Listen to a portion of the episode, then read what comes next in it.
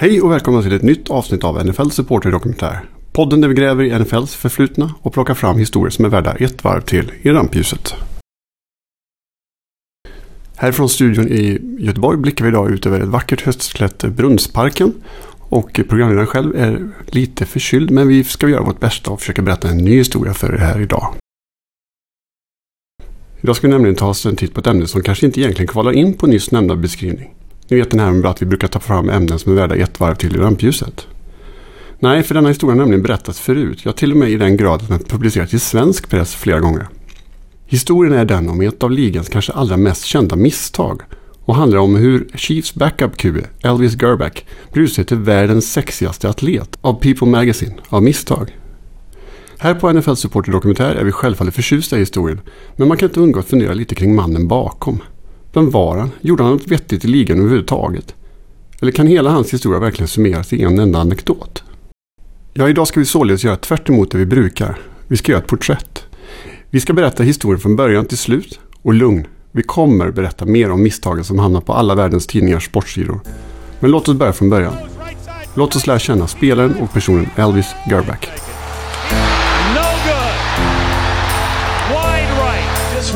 No Due to the various uncertainties surrounding my position as it relates to the team's new ownership, um, I've decided to resign as the head coach of the New York Only Jets. four words. This one's for John. ready early in the morning and lay down on my bed, closed my door in my room, and the crucifix I pulled off the wall. And I sat there for about 20, 30 minutes contemplating on the cross and really understood what Christ had done for me as a 10 year old kid. To the point where I reflected as an adult with my spir- spiritual director saying that Hur hamnade jag um, I här? became very emotional. Jobbet med NFL Supporter Dokumentär tar mig visserligen till många av internets avkrokar i jakt på en ny story. Men that detta, en reslig tunnhårig gubbe med begynnande kulmage sitter och pratar om Gud i något slags religiöst pratprogram. Anledningen till att jag hamnade på denna sida var att jag sökte efter dagens huvudperson. Elvis Gerback. En person med ett grymt coolt förnamn och ett efternamn som jag antagligen kommer slakta hundra gånger under den kommande tiden. Vid tiden för klippet, 2019, jobbade han som fotbollscoach på Villa Angela St. Joseph's High School, en katolsk skola i Cleveland, Ohio. Sedan dess har han visserligen gått vidare och kombinerar idag livet som affärsman med studier inom teologi. Men låt oss ta det hela från början. För trots att karln heter Elvis och har en Super Bowl-ring i hyllan så är han tämligen okänd bland alla oss NFL-fans.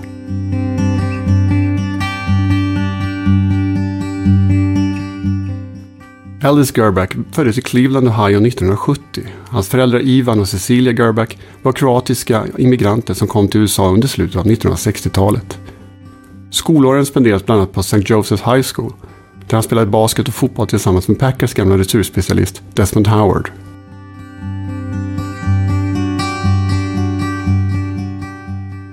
Till en början var det tänkt att Gerbach skulle stanna i sin hemstad och spela för Ohio State. Men ångrade sig när coachen Earl Bruce fick sparken. Istället valde han att följa med Howard till Ann Arbor och University of Michigan för att bli en Wolverine. Mellan 1989 och 1992 var han lagets QB och stod för 6460 yards och 71 touchdowns. Under tre av sina fyra år på skolan tog han sitt lag till Rose Bowl och var självfallet då även en faktor i att tidigare nämnda Howard vann Heisman-trofén 1991. Elvis Gerbeck lämnade Michigan som skolans all-time leader när det kom till passing yards, passing touchdowns, passing completion och passing attempts. 1993 var det då dags att mätas med de stora pojkarna och vår vän Elvis blev vald med draftens 291 pick utav San Francisco 49ers.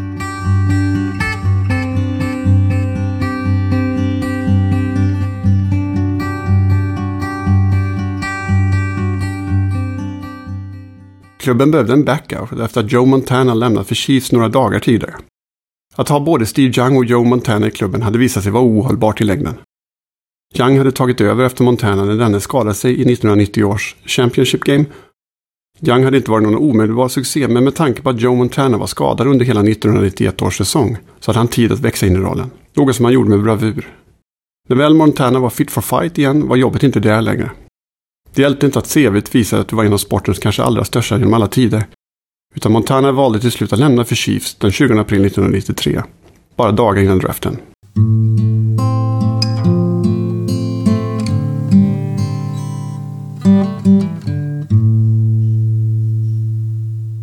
För 49ers var det således dags att gå vidare och Elvis Gerback kändes som ett bra val.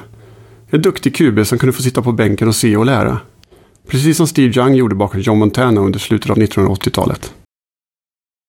Det kommer att bli tre säsonger i 49ers och med tanke på Steve Youngs karriär så spelade Gerback ytterst få matcher. Totalt blev det 42 inhopp i den rödguldiga tröjan, men dock bara nio matcher från start. Det ska dock sägas att han var en god backup och gjorde bra ifrån sig när det väl behövdes.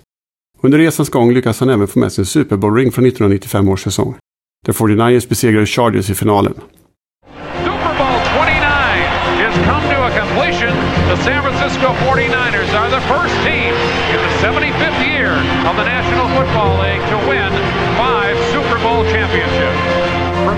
Robbie Stadium in Miami, a superb performance by the San Francisco 49ers.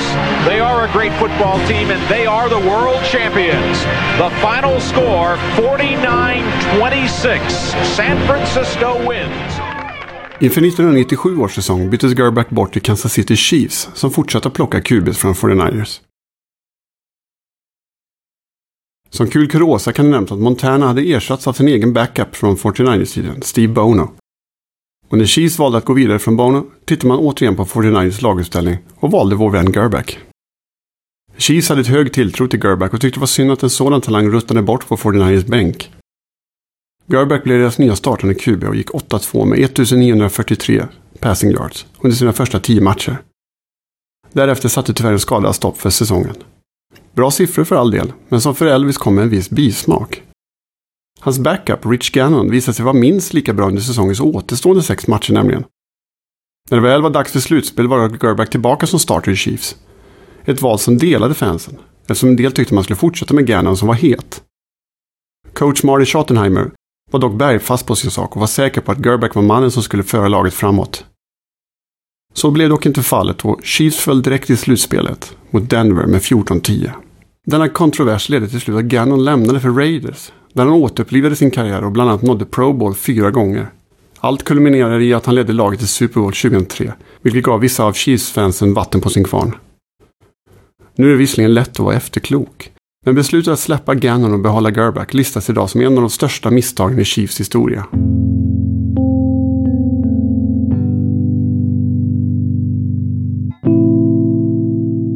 Gerback fortsatte således som starter i Chiefs, men kunde egentligen aldrig upprepa succén från 1997 under de kommande tre säsongerna.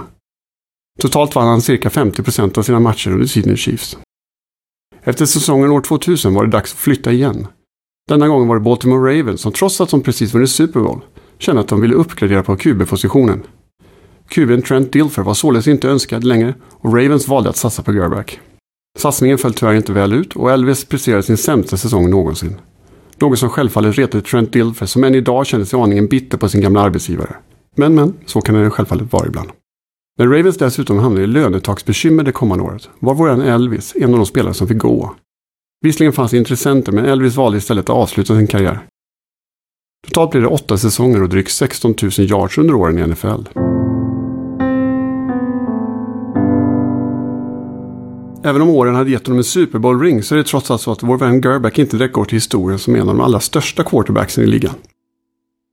Istället blev det en ganska habil karriär där han likt en inverterad Forrest Gump hade en förmåga att alltid vara på fel plats hela tiden. Alltid blev det något gnäll och alltid var det någon annan som ville se någon annan spela istället för honom. Kontroverserna kring huruvida man förespråkar Gerback eller Gannon eller Gerback eller Dilfer har gjort vår vän Elvis lämnat en ganska polariserad fanbase bakom sig. En snabb googling leder ofta till att man hittar folk som tycker genuint illa om den gamle quarterbacken. Vilket är ironiskt eftersom det inte direkt var Elvis själv som tog ut laguppställningen. Men idrottsfans är inte alltid logiska tyvärr. Supporternas tråkiga attityd har dock lett till att Elvis Gerback idag finns med i The Urban Dictionary. En alternativ ordbok på nätet för streetlingo så att säga. Där kan man under Elvis Gerback läsa The state of sucking at any given activity. To perform terribly. Exempelmeningen som följer med lyder I played like Elvis Gerback. Elakt, men samtidigt lite kul.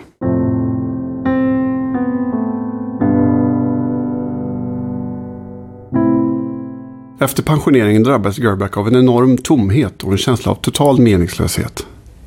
Vad skulle han göra nu? Ett symptom som inte är helt ovanligt bland elitidrottare som drar sig tillbaka tyvärr. Idrotten som ofta varit den definierande biten i deras liv är plötsligt borta, vilket tyvärr lämnar många med psykiska bekymmer. Vad ska man göra nu? I Elvis Gerbacks fall handlade det mycket om familjen och hans katolska tro som hade fått stå åt sidan när idrotten tog honom landet runt. Med det i åtanke var valet ganska enkelt. Siktet ställdes in på hembygden i Cleveland, Ohio och ett liv där han kunde fokusera på familjen och Gud. Något som skapade harmoni i tillvaron igen.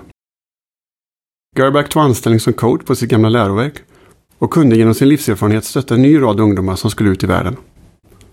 Någonstans här slöts en massa cirklar, vilket tar oss tillbaka till den man som vi i inledningen av programmet hörde prata om sin tro på ett tv-program.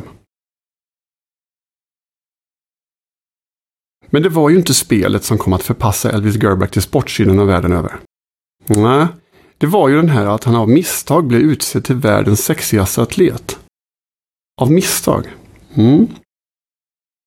Kan, kan vi få lite New York-ljud här? Lite stadskänsla bara så ska vi berätta den här historien. Ja, tackar. Varje år sätter People Magazine ihop ett specialnummer där de utser årets sexigaste man. Förutom det ultimata valet som världens sexigaste man, som för övrigt gör att man får pryda omslaget, så tar man även ut en lång rad andra sexiga killar. Sexigaste skådis, sexigaste artist, sexigaste politiker. Ja, och självklart även sexigaste atleten. Ja, ni förstår säkert. Senast det här begav sig så var det Paul Rudd som fick äran att bli världens sexigaste man. Vår vän Elvis var dock inte med i detta års utgåva utan för att gå till botten med detta får vi bege oss till 1998 års New York. Någonstans bland alla skyskrapor och människor jobbar redaktionen på People Magazine med årets upplaga med världens sexigaste män. Tänk er ett rum fyllt av journalister som jämför bilder på män och kastar ur sig namn på olika kända grabbar.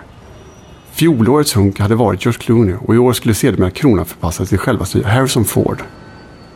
När redaktionen kom till idrottskategorin så kan vi egentligen bara gissa vilka namn som kastades runt i luften. Kanske ropade någon efter Österrikes alpinist Herman the Herminator Mayer. Eller varför inte den muskige Pete Sampras som säkert satt ett och annat kvinnohjärtan i brand. Mm. Men mitt i mötets brokiga diskussion kastar någon plötsligt ur sig. Chiefs QB är väl rätt het? Ja, han är stilig och lite likeable. Ja, ropar de alla en efter en. Likt talangscouten i Tjuren Ferdinand. Honom ska vi ha! Sagt och gjort skickas ett team iväg till Kansas City för att fota och intervjua lagets QB. Tiden var knapp, för tidningen skulle snart gå i tryck.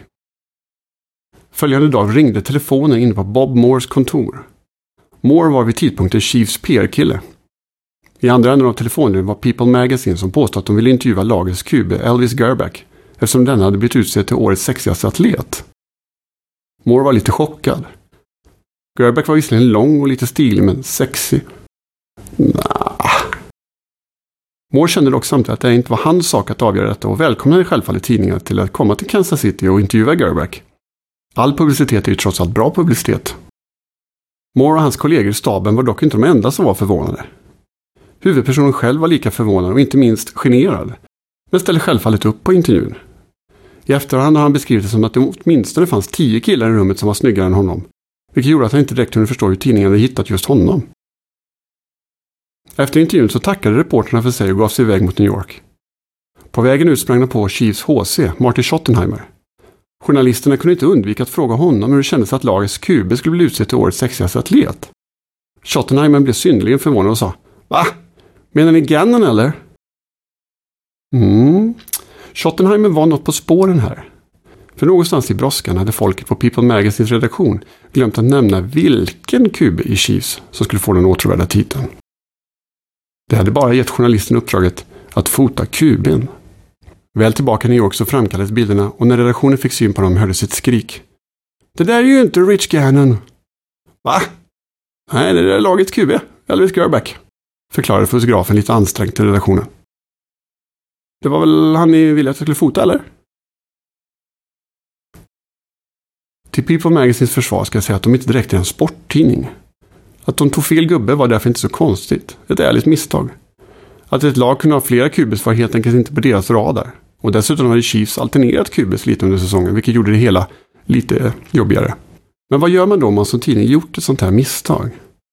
Ja, det kanske uppenbara alternativet, det vill säga att erkänna sitt fel och rätta till det. Det fanns inte på kartan. Tiden till att tidningen skulle gå till tryck var för knapp. Och någon tid för att skicka en journalist tillbaka till Kansas City fanns således inte. Dessutom var det ingen som direkt hade hjärtat att ringa upp Gerback och säga att det tydligen har blivit ett fel här. Nej, här gällde det att anpassa materialet som man hade framför sig. Och hur gör man då det? Ja, här gällde det att bejaka den inre skönheten i individen. När tidningen väl kom ut kunde alla läsare via omslaget notera att Harrison Ford minsann var världens sexigaste man. Bläddrade man vidare i tidningen kunde man se Elvis Gerback sitta på en bänk framför några skåp i Chiefs omklädningsrum. Iförd endast ett par jeans och en vit t-shirt. Med ett lätt obekvämt leende. I den tillhörande artikeln kan man läsa om hans så kallade vänner och coacher som alla vittnar om en man som är tystlåten och som ingen av dem direkt såg som någon kvinnokarl. Tack för den. Journalisten räddade dock upp det hela genom att förklara för oss läsare att det inte är så konstigt eftersom Elvis är en helylle kille som träffade sin fru redan under tonåren och är en fantastisk familjeman. Han har helt enkelt inte behövt ge sig ut i nattlivet och ragga på krogen. Han har det så fint hemma. Hela texten avslutas sedan med ett citat från hans fru Laurie, som på sätt och vis sätter den sista kniven i vårt ofrivilliga sexobjekt. Det är hans personlighet som gör honom så sexig.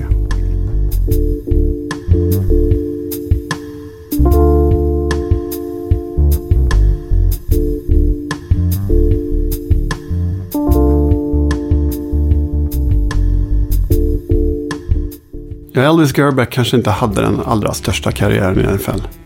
Men han hade ändå en ganska habil. Han fick spela åtta säsonger och fick med sig en Super Bowl-ring på köpet.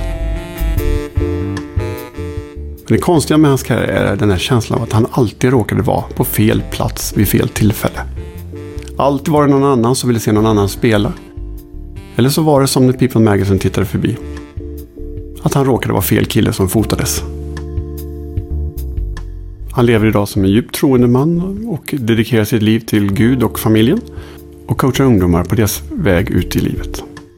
Titeln som världens sexigaste atlet är något som han lämnat bakom sig idag och inget som direkt dyker upp i intervjuer med honom. När Gerback har gått vidare och fokuserat på de stora frågorna.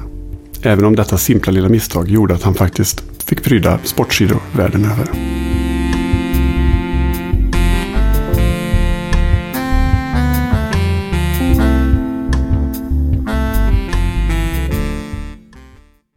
Det där var alltså historien om eh, Elvis Gerback. Mannen som likt en inverterad Forrest Gump alltid råkade vara på fel plats vid fel tillfälle.